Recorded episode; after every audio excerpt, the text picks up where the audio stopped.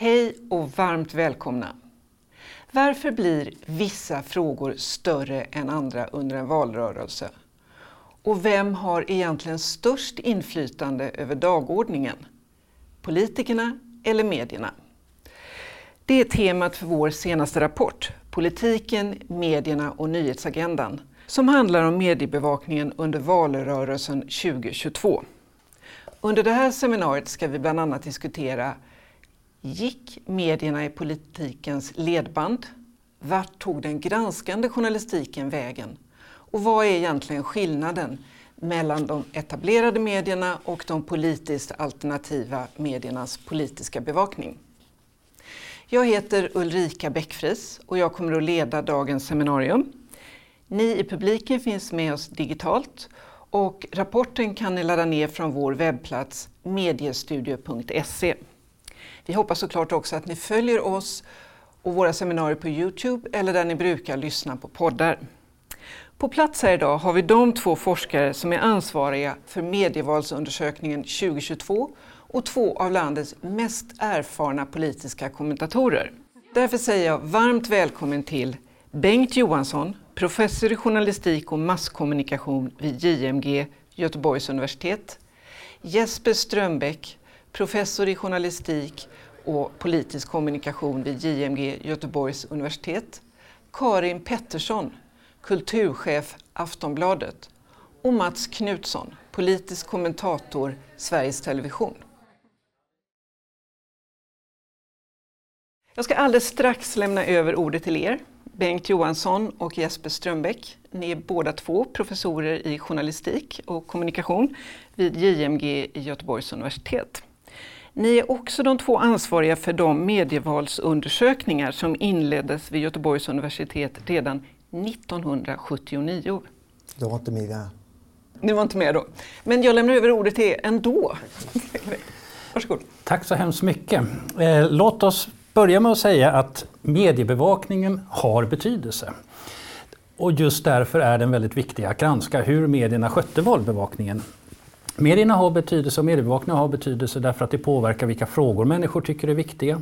Vilka frågor människor utgår från när de bedömer de politiska alternativen oavsett om vi pratar om partierna eller regeringsalternativen. Medierna påverkar hur människor uppfattar verkligheten. Är det exempelvis så att det går sämre för Sverige eller bättre för Sverige? Hur, hur ser orsakerna ut när det gäller kriminaliteten? För att bara ta några exempel. Det är sådant som människor inte vet själva och där medierna har väldigt stor betydelse. Och medierna påverkar också människors kunskaper om politik och samhälle. Medierna har också en dubbel roll i valrörelser eller överhuvudtaget. De kan ju dels fungera som arenor för andra aktörer, för politiska partier och andra organisationer. Men de fungerar också som självständiga aktörer. De är inte neutrala. Här är det viktigt också att komma ihåg att det gör att medierna blir får makt eller inflytande oavsett om de vill det eller inte. Bara det faktum att människor förlitar sig på medierna och politiska aktörer förlitar sig på medierna för att kommunicera och för att få information så får medierna en inflytelserik eh, position. Samtidigt ska man komma ihåg att medierna sitter i en ganska svår situation i den meningen att de förväntas beskriva verkligheten sådan den är. De förväntas ge rättvisande bilder av verkligheten. Men samtidigt är ju verkligheten obegränsad medan mediernas format är begränsade. Så medierna måste alltid välja och välja bort. Och det kommer alltid finnas ett avstånd mellan hur verkligheten ser ut och mediernas bild, nyheternas bild av verkligheten. Och det innebär också under en valrörelse då att några kommer att gynnas och andra kommer att missgynnas av hur medierna bevakar valrörelsen. Och det är liksom, detta är alla överens om. Vad det finns mer kontroverser kring är ju vad beror då detta på? Och där kan man säga att det finns två teser. Den ena som är mer framträdande i den offentliga debatten där man menar att medierna är politiskt partiska, eller vissa grupper menar att medierna är politiskt partiska, att de är vänstervridna eller högervridna. Där under de senaste decennierna anklagelserna framförallt har handlat om en vänstervridning. Men går vi tillbaka ett par decennier så var det anklagelser om högervridning som var det mest framträdande. Medan då inom forskningen så talar man mer om att det, orsaken står att finna i det som kallas medialisering och strukturell partiskhet. Om man ska kontrastera det här lite mot varandra så kan man säga att tesen om att nyhetsjournalistiken och nyhetsbevakningen präglas av polarisering, eh, politisering och politisk partiskhet bottnar i antingen att man tror att journalisternas egna åsikter och värderingar påverkar hur man bevakar politik och samhälle. De som kritiserar medierna för att vara vänstervridna pekar ofta på att journalister står till vänster om allmänheten. Även om de undersökningar man då förlitar sig på är mer än tio år gamla vid det här laget. Medan de som å andra sidan då anklagar medierna för att vara högervridna pekar snarare på medieägarna och deras politiska åsikter och det faktum att huvuddelen av svenska, de svenska medierna är kommersiella och privatägda. Medan då om man diskuterar frågan om strukturell partiskhet så pekar man istället på att det som har betydelse för hur medierna bevakar olika frågor, inklusive valrörelser, det är mediernas format och produktionsrutiner för det första. För det andra de journalistiska normerna och värderingarna, där då nyhetsvärderingarna är helt centrala. Och det som man kallar medielogiken. Medierna har ett behov av att reducera information, men de har också ett stort behov av att fånga människors uppmärksamhet. Och utifrån det har man utvecklat olika berättartekniker. Tillspetsning, förenkling, polarisering, personifiering, stereotypisering och så vidare. Och det vi vill göra i den här boken är delvis att då utifrån de här olika perspektiven på eller olika uppfattningarna om mediernas valbevakning utvärdera i vilken utsträckning präglas svensk valrörelsebevakning 2022 av medialisering och strukturell partiskhet å ena sidan och politisering och eh, politisk partiskhet å den andra. Eh, ja, medievalsundersökningen så har vi då gjort sedan 1979 som sagt, inte vi två. Vi har tagit vid där andra har slutat. Eh, vi undersöker både storstadsmedier, storstadsmorgonpress, vi undersöker kvällspress, etermedier och nytt för i år då, eh, politiskt alternativa medier. Och det är de stora redaktionerna, det är liksom Rapport, nyheterna TV4 Ekot, det är Aftonbladet, Expressen, det är Svenska Dagbladet, DN och vi har då valt även att titta på Dagens ETC och på Nyheter idag. Och om vi då går till resultaten så vi får reda på lite grann hur det faktiskt såg ut. Så börjar vi då med dagordningen. För dagordningen är ju väldigt central för hela den politiska debatten. Många pratar ju om att kampen om verklighetsbeskrivning är det som kanske är det viktigaste när vi pratar om valrörelser och när det gäller politisk journalistik. Att hur beskrivs verkligheten, kampen om verklighetsbilderna. Vi har ju haft ganska många saker som man kanske trodde och som jag trodde skulle påverka mediedagordningen under valrörelsen. Pandemin med bristerna i vården, i äldreomsorgen, krisberedskapen. Eh, en invasion av Ukraina som eh, visade säkerhetspolitiska diskussioner som kom upp. Och eh, gängskjutningar som också präglar debatten. Klimatfrågan som många tycker är en väldigt viktig fråga. Så frågan är då, hur blev det? Och tittar vi då på resultaten här och framförallt då vänsterkolumnen, alla medierna, så ser vi att det var liksom de tre stora först. Det var lag och ordning, det var ekonomi och det var energi. Och så kommer invandring på en fjärde plats. Nu ska man titta på de här så är det faktiskt också att de är delvis kommunicerande kärl. Alltså ekonomin och energin hängde väldigt tätt ihop med ökade energipriser och inflation på det. Men även lag och ordning och invandringsfrågan knöts ofta till varandra. Så att det var en väldigt stark koncentration på ett antal frågor eh, under den här valrörelsen. Vissa frågor eh, kom ju inte riktigt med då. Det här med pandemin, ja, vård finns med.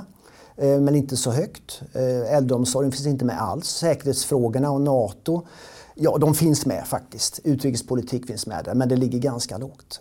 Så att det var både det förväntade men också det icke förväntade. Omvärldstrycket skapade väldigt mycket den bild av varelser som kom fram i medierna Det fanns lite olika skillnader mellan olika medier, jag ska komma tillbaka till det alldeles strax. Men vad som då är typiskt kanske för den här varelsen, det var att det blev också en kamp mellan ett antal stora frågor. Det handlar om ganska få frågor egentligen i medierna och i alla medier. Om vi gör en ny bild och tittar på det vi kallar för sakfrågekoncentration. Och där har vi alltså slagit samman medieutrymmet för de tre största frågorna i medierna totalt sett under valrörelserna sedan 1979 och fram till idag så ser vi på den kurvan att den går ner först. Från, ja, det var ju kärnkraftsfrågan och löntagarfondsfrågan och sådana här saker som dominerade debatten jättemycket i slutet på 70-talet och början på 80-talet. Och sen gick det ner, sen blev det mer smörgåsbord. olika frågor kom upp i olika varelser. Det var inte riktigt någon enskild fråga som dominerade på samma sätt. Vad vi har sett nu under de senaste åren det är att vi återigen blir mer fokuserade kring några få frågor. Och 2022 så var det faktiskt ännu högre än vad det varit på ganska länge.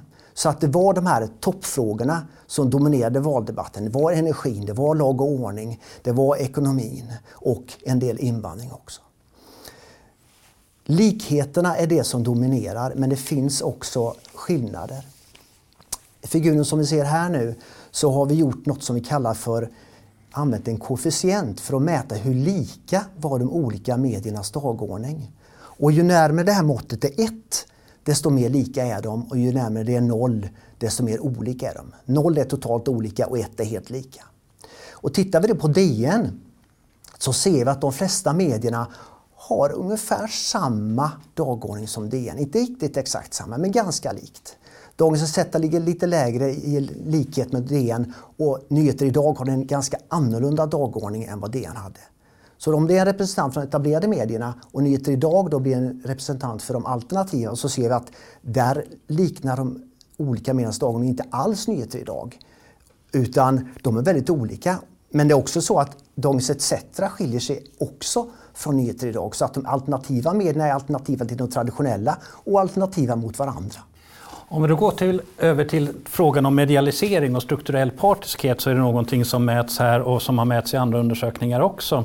Och vad det handlar om i grund och botten är att undersöka i vilken utsträckning som nyhetsbevakningen och valrörelsebevakningen präglas av mediernas egna, egen tolkningsmakt och egna, egna sätt att försöka påverka hur människor förstår eh, verkligheten och i det här fallet då valbevakningen. Och några indikatorer vi tittar på är hur synliga är journalister i förhållande till politiker och andra grupper.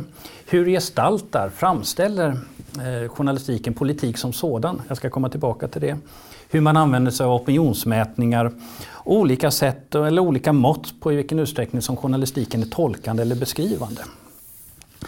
Och låt mig börja med gestaltningen av politik där vi brukar skilja mellan gestaltandet av politik som sak, som spel och skandal. Och när journalistiken gestaltar politik som sak, då handlar det om politikens sakinnehåll, förslag om hur politiken ska förändras eller förhållanden i verkligheten. Hur ser verkligheten faktiskt ut med relevans för politikens sakinnehåll? När journalistiken gestaltar politik som spel så handlar det mer om kampen om makten.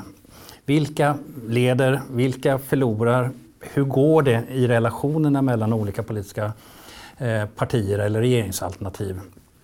Medan då skandalgestaltningar handlar om att man framställer någonting som att det är någonting som någon har gjort eller någonting som någon har sagt som en skandal. Och sakgestaltningar kan man säga följer lite mer av en politisk logik där politikens sakinnehåll bör vara i centrum Medan spelgestaltningar och skandalgestaltningar följer mer av mediernas behov av att skapa en dramatiserad valrörelsebevakning. En valrörelsebevakning som fångar människors uppmärksamhet och som har mer nerv och där det finns mer förändringar. Sakpolitiken förändras ju inte så mycket under en valrörelse. Och vad vi kan se här är att i genomsnitt så så dominerades 52 procent av alla nyheter av sakgestaltningar, 38 procent av spelgestaltningar och 9 procent av skandalgestaltningar. Så ungefär hälften av valrörelsebevakningen handlade om politikens sakinnehåll och förslag i sak. Det är, kan man tycka, en ganska låg andel jämfört med ett normativt demokratiskt perspektiv där man brukar säga att medierna ska, ska tillhandahålla sådan information som människor behöver för att fritt och självständigt kunna ta ställning på valdagen. Och då behöver man information om var står de politiska partierna, hur ser verkligheten ut, hur vill de politiska partierna eh, förändra verkligheten. Samtidigt kan man säga att det här, om vi tittar då över tid, så var det en högre andel sakgestaltade artiklar och inslag det här, den här valrörelsen än vad det var 2018 exempelvis. Och det är inte någon trend som vi kan se mot att journalistiken blir allt mer spel och skandalgestaltande. Eh, om något kan vi säga att det har varit en trend men att den bröts 2022. En del av gestaltandet av politik som spel handlar om användandet av opinionsmätningar.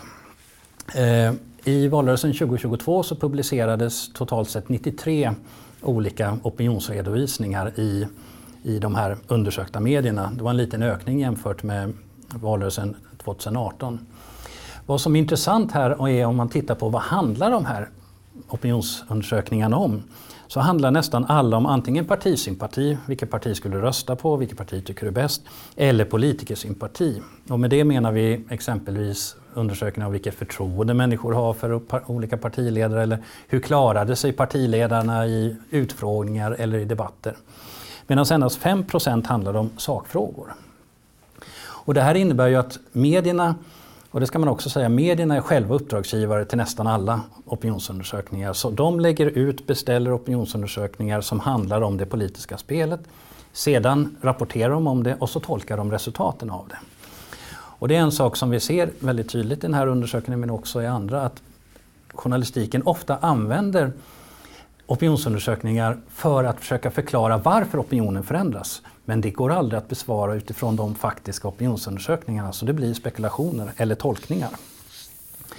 Vilket då leder oss till att det faktum att det finns olika journalistiska förhållningssätt och lite förenklat så skiljer vi mellan artiklar och inslag som präglas av ett beskrivande respektive ett tolkande journalistiskt förhållningssätt. Och här kan vi se att en ganska stor andel, fast det varierar mellan olika medier, ändå består av ett tolkande eller domineras av ett tolkande journalistiskt förhållningssätt, framförallt i kvällspressen. Eh, så det, även det som ser ut som raka nyhetsartiklar, raka nyhetsinslag kan innehålla betydande inslag av journalistiska tolkningar. Som ibland kan ge ökad kunskaper och bakgrund men som också kan ställa sig i vägen för människors möjligheter att fritt och självständigt kunna informera sig. Kopplat till det så har vi undersökt i vilken utsträckning som olika artiklar och inslag innehåller tydligt värderande journalistiska omdömen. Det kan exempelvis vara att det går bra eller dåligt, att någon lyckats, misslyckats, att ett förslag är realistiskt eller orealistiskt. Och där kan vi ju se att en betydande andel av artiklarna och inslagen innehåller åtminstone någon tydligt värderande subjektiv, skulle man eh, till och med kunna säga, journalistisk kommentar. Högst är det i de politiska alternativa medierna och sedan i Aftonbladet. Så det skiljer sig ju mellan olika medier. Men vad detta visar är att journalistiken inte bara är en passiv arena utan journalistiken och journalisterna tar ett betydande utrymme själv som i sin tur då påverkar vilken bild människor får av valrörelsen. Nu har vi pratat om då dagordningen, vad valrörelsen handlade om i medierna och hur den gestaltades på olika sätt. Nu ska vi prata om bilden av politikerna, hur de fick framträda på vilket sätt. Eh, och här har vi då en tabell som visar lite olika saker. Det visar dels då så att säga hur vilken uppmärksamhet de olika partierna fick. Här har vi slagit samman partiledare och andra i, till som ett parti. Och eh, vi har också tittat på sista veckan under mediernas bevakning jämfört med sista opinionsundersökningen och också jämfört med valresultatet. Och tittar man på svenska medier när de bevakar ett val så är det inte så att alla partier får samma uppmärksamhet utan man har en opinionsspeglande princip. De stora partierna får mer uppmärksamhet och de små får lite mindre. Men man brukar så att säga kapa toppen lite så att de stora partierna får inte riktigt så mycket uppmärksamhet som de har röstmandat och inte heller de små får lite mer. Så man liksom slår ihop, minskar lite grann. Så brukar det vara. Så var det inte 2022. Det var en strikt opinionsspeglande princip som styrde nyhetsbevakningen. De stora partierna fick mest uppmärksamhet, nästan exakt samma som de hade opinionsstöd och de små partierna fick också ganska likt opinionsstöd de hade. Så här skiljer sig 2022 års val en del ifrån eh, hur det sett ut tidigare. Dessutom kan man säga då ibland när vi har någon sån här valrörelseraket, någon person eller partiledare som fick mycket uppmärksamhet. Och den här gången var det Annie Lööf. Mycket kretsar kring Centerns partiledare och både det som hände henne under sommaren som sen fortgick och den debatt som följde hur hon behandlades i olika alternativa medier. Men också givetvis ställningstagandet att stödja Magdalena Anderssons regeringsalternativ. Så att Centern och Annie Lööf blev väldigt centrala och det ser man i många av de siffrorna som jag inte visar här men som finns i boken. Men det var opinionsspegling som var det viktigaste. Nu ska jag visa den bild som alla har väntat på. Det så kallade AB-indexet. Eh, som då är ett sammanfattande mått på hur partier behandlas. Och det bygger på tre olika saker egentligen. Vi slår ihop hur mycket man får komma fram och prata, hur mycket andra pratar om en och om man får beröm eller kritik. Och detta är då sammanslaget så vi får en siffra och den här siffran kan egentligen gå då mellan minus 100 och plus 100. Och sen har vi den här figuren då jämfört regeringsalternativen. Om vi slår ihop högersidan och vänstersidan. Vem får bäst behandling då? Och jämför dem, de blir en övervikt åt vänstersidan eller en övervikt åt högersidan. 2018 så var det en övervikt åt högersidan.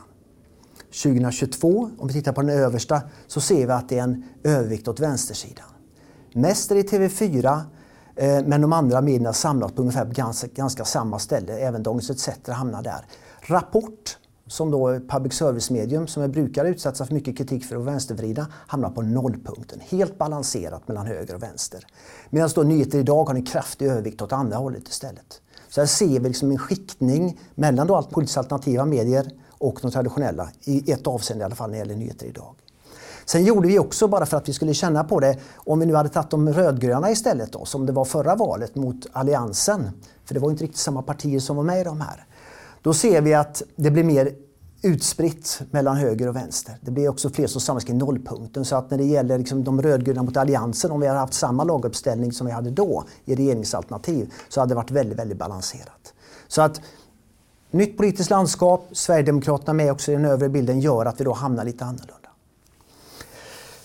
En sista bild också om det här med aktörer och aktörsbehandling, det är ju vem som krigar, krigar med vem, vem som kritiserar vem.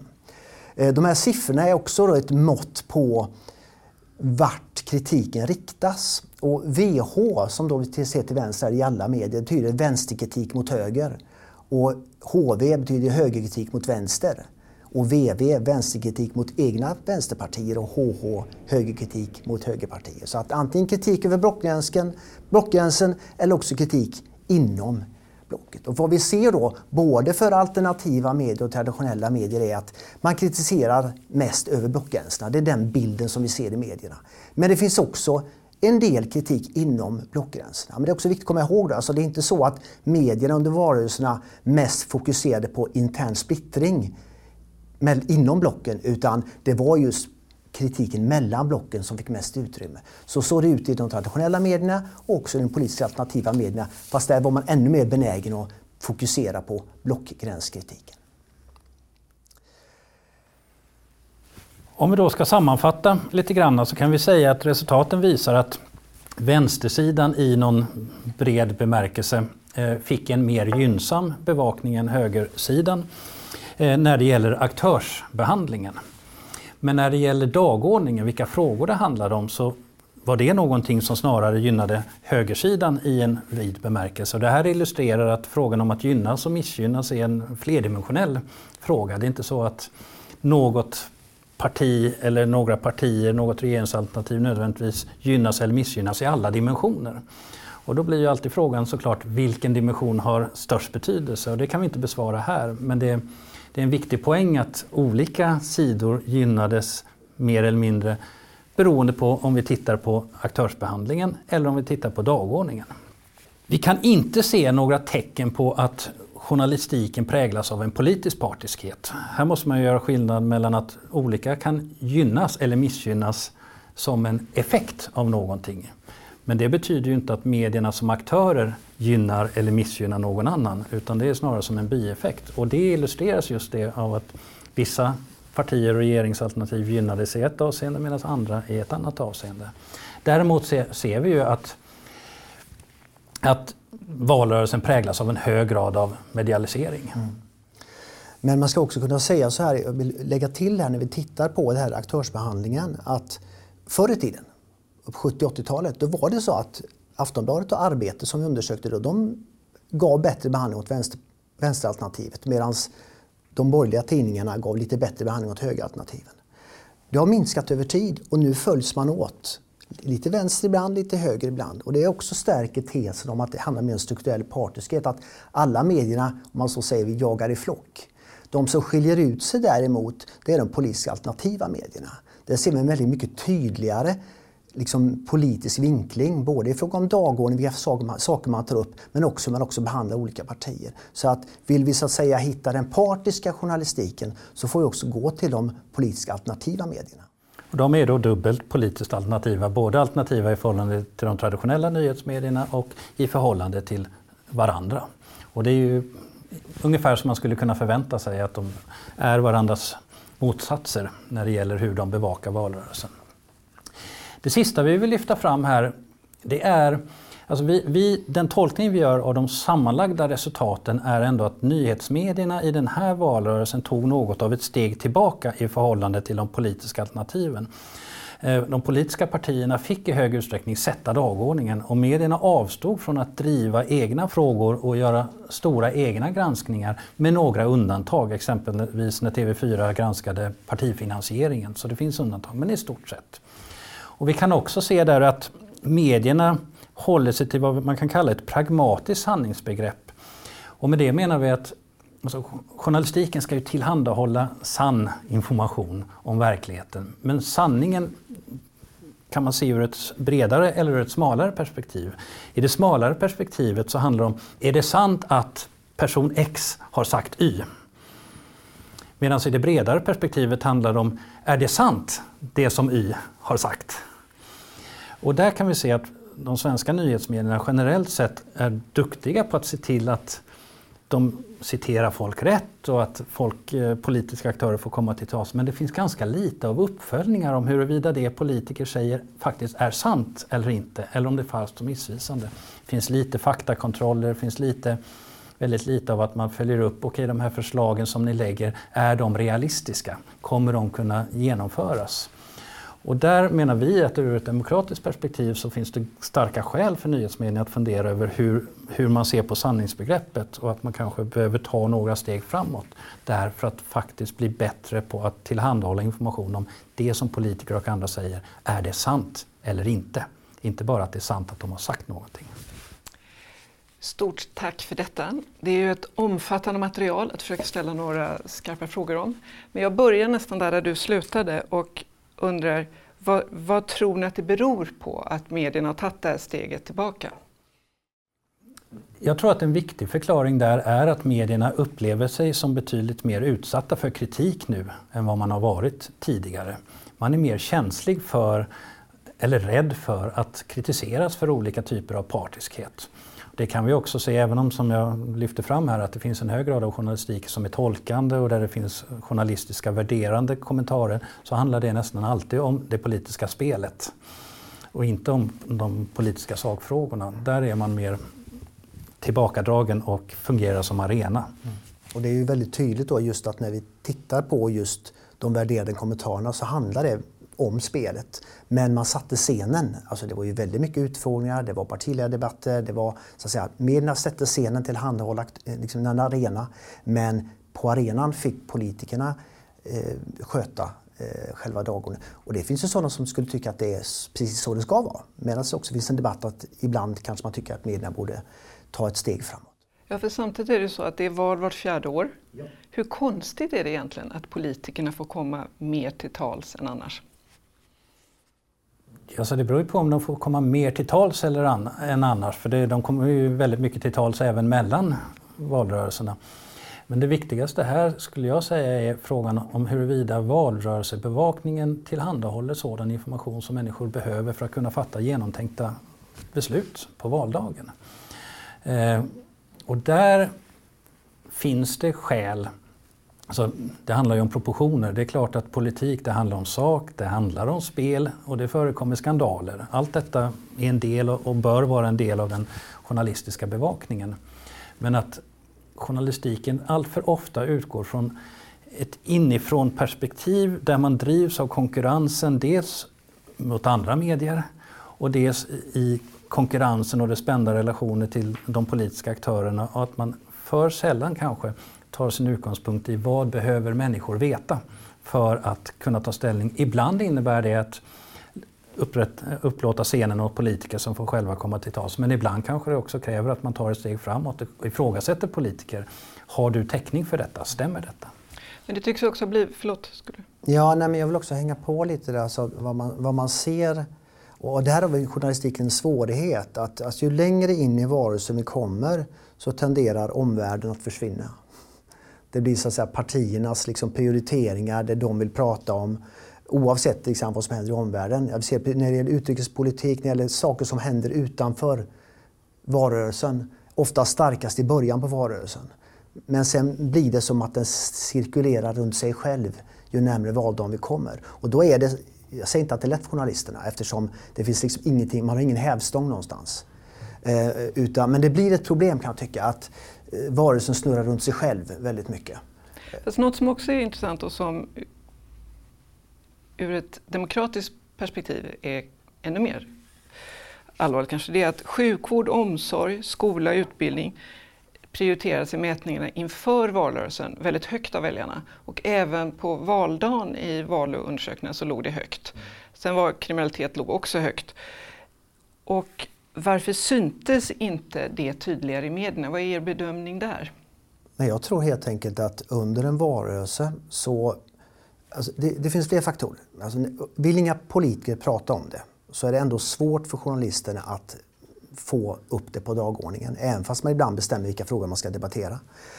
Sen gör det också så att medierna driver delvis också sin egen valrörelse. Vilket gör Vad menar att, du då? jo, att de helt enkelt gärna vill hålla kvar eh, tittarna inom det egna formatet. Att man ska hålla sig där. Man har en egen partiledardebatt, man har egen bevakning, man har egna morgonsoffor och så vidare. Och helst vill man att man ska prata om det som den här kanalen har valt att prata om. Ja, fast det, väl, det är väl inte riktigt samma sak som att driva en egen valrörelse. Det kan ju också vara en mångfald. Ja, att du kan kan lyssna det vara. på det. Men, men problemet här blir att du får inte hjälp av de andra medierna. Vilket gör att politiker kan välja att bortse ifrån det om inte alla medier samtidigt faktiskt lyfter frågan. Och här blir det alltså mångfalden för medierna, att de väljer olika perspektiv, ger till viss del också en svaghet gentemot politikerna. För att eh, det är ett gemensamt... Alltså går vi tillbaka till 80-talet, som jag faktiskt minns fortfarande, och slutet på 70-talet så var det ju så att politikerna var tvungna att prata om vissa saker för att journalistiken var en så enad front mot att det här måste vi prata om. Och det ser man inte riktigt på samma sätt. Det ser man kanske möjligtvis när det gäller gängkriminaliteten, men inte i vissa andra frågor. Som pandemifrågan, som sjukvården, som äldreomsorgen och så vidare. Och även miljön, det är en sak som vi ser här att miljön låg ju relativt lågt ner. Och att, men det som vi inte pr- pratar om här men som vi ser i resultaten att när man väl diskuterar miljön så blir det i ganska hög utsträckning en, en metadiskussion där, där journalistiken handlar om varför pratar vi inte mer om miljön? Så att när man väl gör det så pratar man inte om miljön som sådan utan frånvaron av miljöfrågan. Och det är också intressant eftersom miljö inför valrörelsen hade seglat uppåt och fått en högre placering i väljarnas prioriteringar än tidigare. Än på länge rättare sagt. Eh, en intressant fråga till er med ert stora material är vilka lärdomar tycker ni att nyhetsredaktionerna bör dra av medievalsundersökningen? Ja, alltså jag tycker det som Jesper pekar på, nu är det en förlängning av det vi, det vi har gjort egentligen, men, men fundera över liksom hur kan man ändå, hur ska, hur ska man balansera olika maktsfärer och liksom påverkan under en. Vilken valrörelse ska man berätta om? Ska man låta politikerna helt och hållet styra eller ska man försöka göra på andra sätt? Hur ska man då få väljarnas perspektiv, som du nämnde nu då med vård och skola och omsorg, som då var viktiga frågor som kanske inte fick jättemycket bevakning och även då klimatfrågan. Eh, där är ju en fråga om mediernas makt. Men vår slutsats är ju liksom att de till viss del har lämnat över till politikerna den här gången. Och det får väl också redaktionen ställa sig frågan, är det den varelse man vill ha från journalisternas sida? Och jag skulle nog vilja gå till, gå till det här med sanningsbegreppet. I Sverige har vi ju ingen stark tradition av det här med faktakontroller, med fact-checks som man har i många andra länder. Men i en situation där vi inte kan utgå från att det politiker och andra makthavare säger stämmer överens med verkligheten utan att man använder sig av falsk och missvisande information för att driva hem en politisk tes, då blir det ju viktigare för medierna att tillämpa det här bredare sanningsbegreppet och att kontrollera på ett systematiskt eh, och löpande sätt vad som stämmer och vad som inte stämmer. Lyfta fram när det är, när det är korrekt men också lyfta fram när det inte är korrekt det som sägs. Där säger jag tills vidare tack till er båda, Jesper Strömbäck och Bengt Johansson. Och istället ska jag säga varmt välkommen till Karin Pettersson, kulturchef på Aftonbladet och Mats Knutsson, politisk kommentator på SVT. Hej till er. Eh, helt kort, på en skala från 0 till 5, hur väl stämmer den bild av valrörelsen 2022 ni nyss fick överens med den bild ni själva har? Jag börjar med dig Karin. Ja, men en fyra då, där fem är högst. Mm. Ja, eller närmast överensstämmande. Så fyra. Fyra av fem. Och du? Fyra av fem. Det var skatten, det var inte så stor skillnad där. Jag tänker Karin, du sa på en valfrukost dagen efter valet att förra årets valbevakning var ett misslyckande för medierna. Mm. Varför då? Ja, jag har utvecklat det också senare eh, i text. Jag tycker att det var ett misslyckande för medierna därför att eh, Ehm, ja, min bild av den eh, gångna valrörelsen var att eh, väljarna på valdagen eh, hade felaktig upp, felaktiga uppfattningar om vad de kunde förvänta sig vid olika utfall. Och bland annat kan man titta då på den här stora frågan om den här stora energifrågan som ju både vallokalsundersökningar och också den här rapporten visar ju var helt eh, väldigt stor, dominerande, den viktigaste frågan eh, för väljarna i vallokalsundersökningarna. Där lovade politikerna saker som de sedan inte kunde hålla. De hade väldigt ambitiösa vallöften. Och eh, ett par månader efter eh, valet så skrev bland annat, eh, var kom en debattartikel i Aftonbladet av några moderater från Skåne som sa att våra våra väljare känner sig nu lurade. De hade en viss information, eh, de var lovade någonting som nu inte har, har hållits. Och eh, var är leveransen på de här vallöftena? Och jag menar att om jag ska vara kritisk till någonting i den här rapporten som jag tycker är väldigt bra och intressant så är det just också ett samspel mellan de traditionella medierna och den, all den information som fanns, inte bara i de alternativa medierna utan också de här väldigt starka sociala medievalkampanjerna eh, som partierna, där partierna pumpade ut väldigt, la väldigt mycket av sin kampanjbudget och som så att säga förstärkte de här vallöftena som jag menar var eh, historiskt i min liksom, ganska långa, många år nu i politiken, historiskt liksom felaktiga och lögnaktiga eh, vallöften. Så det, var, det blev en situation där väljarna gick till val på valdagen eh, felinformerade och medierna, de traditionella medierna lyckades inte hjälpa upp den situationen. Det är min bild. Vad säger du Mats? För det är ju ganska allvarlig kritik. Absolut, och eh, jag tycker till att börja med att medierna i grunden klarade den här valrörelsen bra. Eh, men jag tror att det finns skäl att fundera inför nästa val när det gäller just den här kontrollen som också forskarna är inne på, den här faktakontrollen. Eh, det var en ganska ny valrörelse på så sätt att eh, eh, vi hade ett läge där partierna vi pratade internt om det, det kändes lite som politiken Kiviks marknad när man började närma sig valdagen. Partierna hade ständiga presskonferenser, ständiga utspel. Bensinskatten skulle sänkas med 4 kronor, med 5 kronor, med 7 kronor, med 9 kronor, med 10 kronor.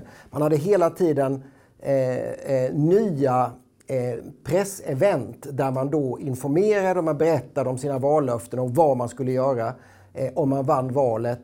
Och jag tror att vi, precis som många andra, blev, jag ska inte säga tagna på sängen, men den eh, bevakningen åt så enormt mycket resurser och eh, i då vår strävan efter att behandla partier på ett ungefär samma sätt i medierna så blev det oftast bara kortare inslag där själva löftet eh, presenterades. Det blev sällan längre sammanhangsskapande och granskande reportage om hur det här skulle då kunna falla ut, om det var realistiskt eller ej. Så att där har vi en läxa att göra till nästa val, tror jag. Det som också är tydligt, både i rapporten och om man följde valrörelsen, det är att den genomfördes i skuggan av kriget i Ukraina och direkt efter en pandemi som hade stängt mycket. Ändå blev det mer plånboksfrågor än ideologiska frågor som dominerade. Hur, varför blev det så tror ni? Nej, men jag tror att det ligger mycket i det som eh, vi hörde här i samtalet innan. Att, eh, det är klart att det, det, är svårt. Om man tittar på valdagen så var sjukvård och skola eh, bland de viktigaste frågorna för väljarna. Det var frågor som var helt frånvarande i stort sett i själva valrörelsen, också i mediernas bevakning av valrörelsen. Och ett svar på frågan varför är varför det blev så, eh, det är ju att det är svårt för medier att helt bryta en logik när så att säga, alla partierna är överens om att man inte vill prata. Det fanns inget stort liksom, sjukvårdsparti i den, här, i den här valrörelsen som gjorde den frågan till sin.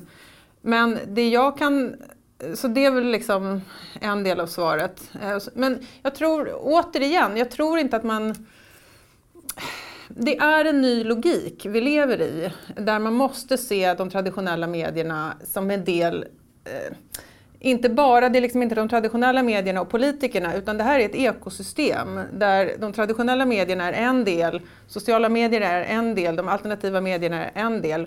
Och det som är frånvarande här, det är den här, de här massiva stödkampanjerna som kom också i sociala medier, som vi vet förstärkte, pumpade upp och som jag tror i ganska stor utsträckning också eh, liksom i en slags feedback-loop påverkar också mediernas, massmediernas, de traditionella mediernas val, redaktionella val, vinklar, eh, val av frågor på partiledardebatter och så vidare. Så det, och där lyckas man inte eh, från vår sida då stå emot den här väldigt massiva kraften som kommer ur ett ekosystem med fler aktörer än bara liksom, traditionella medier och politiker. Så jag tror, och där, från de miljöerna fanns det inte heller något som helst intresse för att diskutera sjukvård eller skolfrågor, trots då att det var väldigt viktiga frågor för väljarna. Så jag tror medierna inför nästa valrörelse måste kanske fundera, vad är egentligen uppdraget här? Och det är väl den här frågan om sanningsbegreppet. Ska vi stå på... Eh, är uppdraget att medborgarna ska vara välinformerade? Är uppdraget att, att, att medborgarna ska ha tillgång till sanningen i bred mening? Är det här realistiskt? Är det korrekt? Är det möjligt att genomföra? Eh, det där är svåra frågor som jag uppfattar att man inte eh, förhöll sig till alls, utan man följde med, liksom dansade med. Mats, du menar också att det var ett Förlåt. Ja, nej, men du, du frågade om, om kriget i Ukraina och pandemin, hur det påverkade. Jag tror att framförallt kriget i Ukraina hade en väldigt stor inverkan på den här valrörelsen. Framförallt för att den tryckte ihop den. Eh, normala valår så sjösätter ju vi alltid en serie granskningar på våren som löper in över sommaren som syftar till att också eh, ge en bild av de frågor som vi tycker är viktiga och då baserar vi oftast det på då undersökningar om vad väljarna tycker är viktigt. Det här föll i princip bort.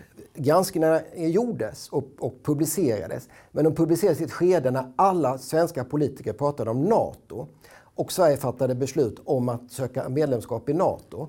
Eh, och det gjorde att den delen av valrörelsen som inte omfattas av den här undersökningen, den blev väldigt annorlunda jämfört med vad den brukar vara.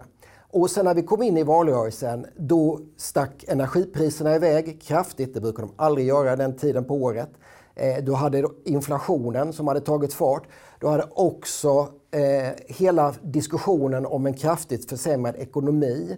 Eh, och i det vakuum som hade bildats så blev då plånboksfrågorna något som också, vill jag säga, politikerna bara ville prata om. Eh, och då hade vi en valrörelse dessutom som bara var på tre veckor den här gången. Eh, där, som i princip dominerades helt av, av eh, då energipriser och plånboksfrågor. Men inte ens om vi tittar på den här undersökningen så ser vi att lag och ordning och sånt följer också under själva valrörelsen. Till slut var det ju bara de här frågorna som, som alla pratade om. Här vill jag till er som är med oss digitalt också säga att Mats Knutsson påpekar något viktigt. Den här mätningen handlar om de fyra sista veckorna i valrörelsen. Så därför är det som var med i början kommer ju inte med här. Nej, plånboksfrågorna lyftes och samtidigt på en ganska hög abstraktionsnivå. Det handlade inte om att köpa morötter istället för avokado, utan det blev ändå svårgreppbart. För annars brukar plånboksfrågor vara något som man efterlyser. Så då tänker jag Mats, eh, det lyfts mycket i rapporten, vi har inte pratat så mycket om det här, att det var väldigt mycket kommenterande. Och då Mats är ju du en av dem som kommenterar nästan allra mest. Och därför är jag väldigt nyfiken på att höra, du sitter och kommenterar, eh, men hur tycker du att din egen organisation och andra mediehus klarade själva granskningen? Ja, alltså jag vi har ju diskuterat här efter valet och vi diskuterade under valrörelsen eh, den här liksom bombmattan med politiska utspel som skedde de här sista veckorna. Eh, som, eh, där vi med efterklokhetens liksom, eh, förträfflighet kan konstatera vi kanske bevakade för många av de presskonferenserna istället för att ta ett bredare grepp om frågorna för att då kunna granska. Jag tillhör de som tycker att under valrörelsen så är det politikerna som i första hand ska vara i centrum på arenan. Men journalisterna ska kritiskt ifrågasätta och granska eh, inte minst sanningshalten i deras påståenden. Och det är möjligt att eh, där eh, klarar vi oss inte 100% den här gången.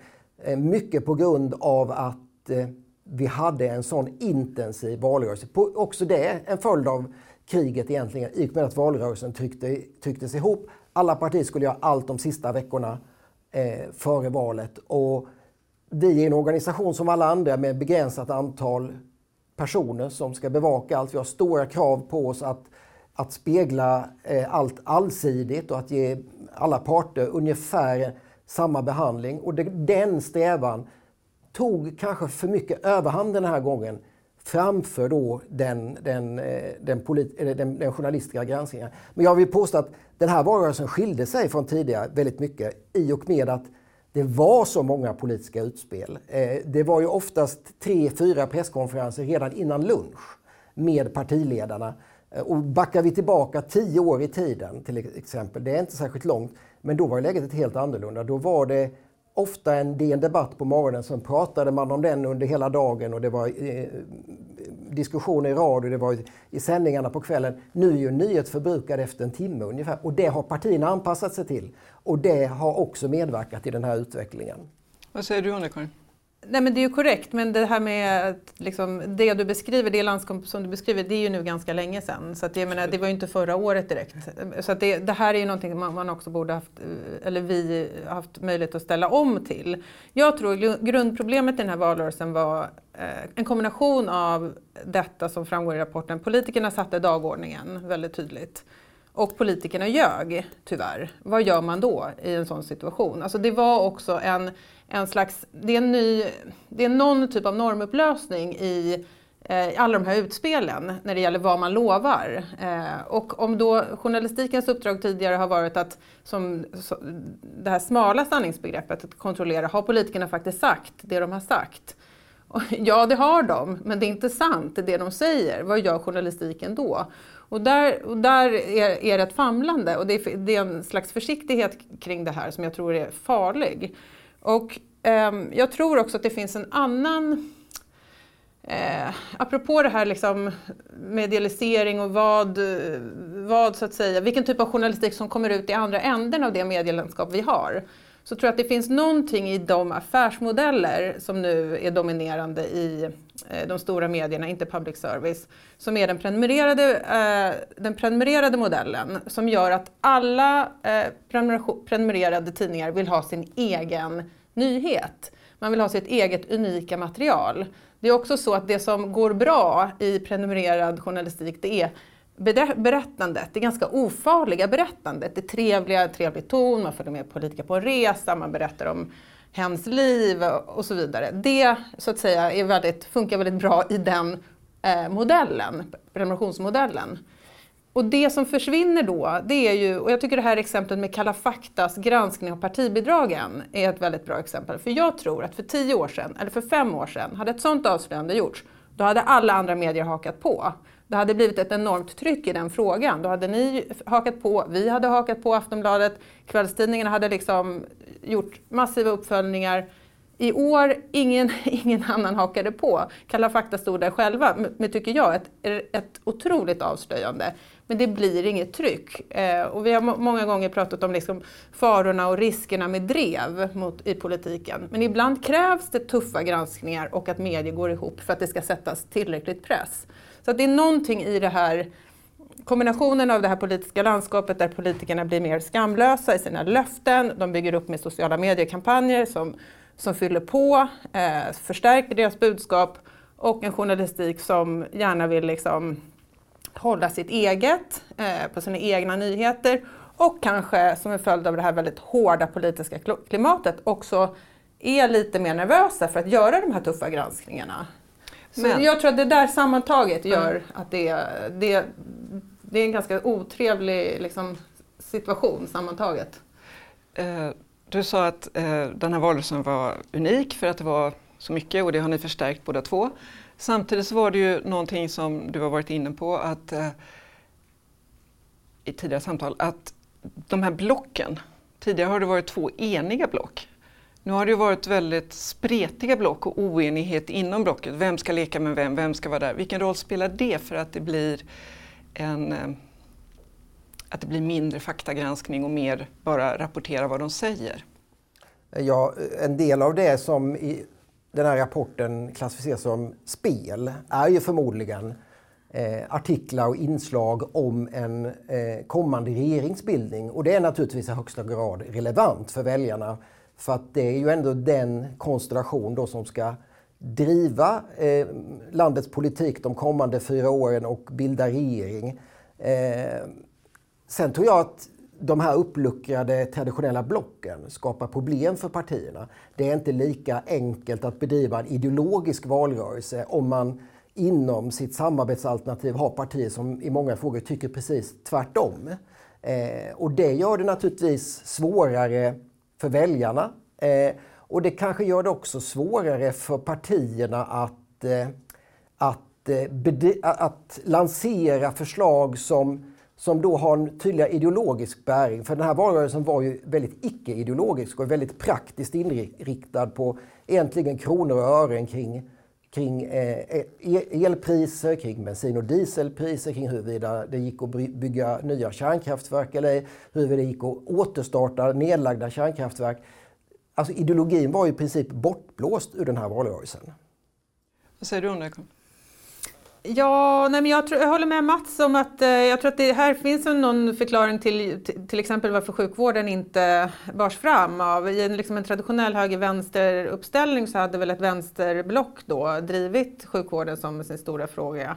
Eh, eller i varje fall lyft den tydligare. Eh, men det gjorde man inte i det här, i det här valet. Jag tycker också det finns en intressant eh, könsaspekt i den här liksom, vilka frågor som lyftes och inte, och inte lyftes. Det var någonting som vi pratade också om efter, efter valet. Att eh, det finns en väldigt tydlig eh, det är väldigt tydligt så att energifrågan, också lag och ordningsfrågan är, det finns en övervikt där för att det är frågor som manliga väljare tycker är viktiga. Medan välfärdsfrågorna, sjukvården och skolan är något som kvin kvinnor tycker är mycket viktigare. Så vi fick en valrörelse som inte bara eh, liksom glömde bort väljarnas viktigaste frågor utan också i väldigt stor utsträckning överhuvudtaget inte adresserade de frågor som kvinnliga väljare eh, tyckte var de viktigaste. Och det är ju också intressant att fundera över. Och där kan man ju tycka, jag menar, det är också något för medierna att fundera över. Vem, vems röster är det som kommer fram? Vems intressen, vems perspektiv?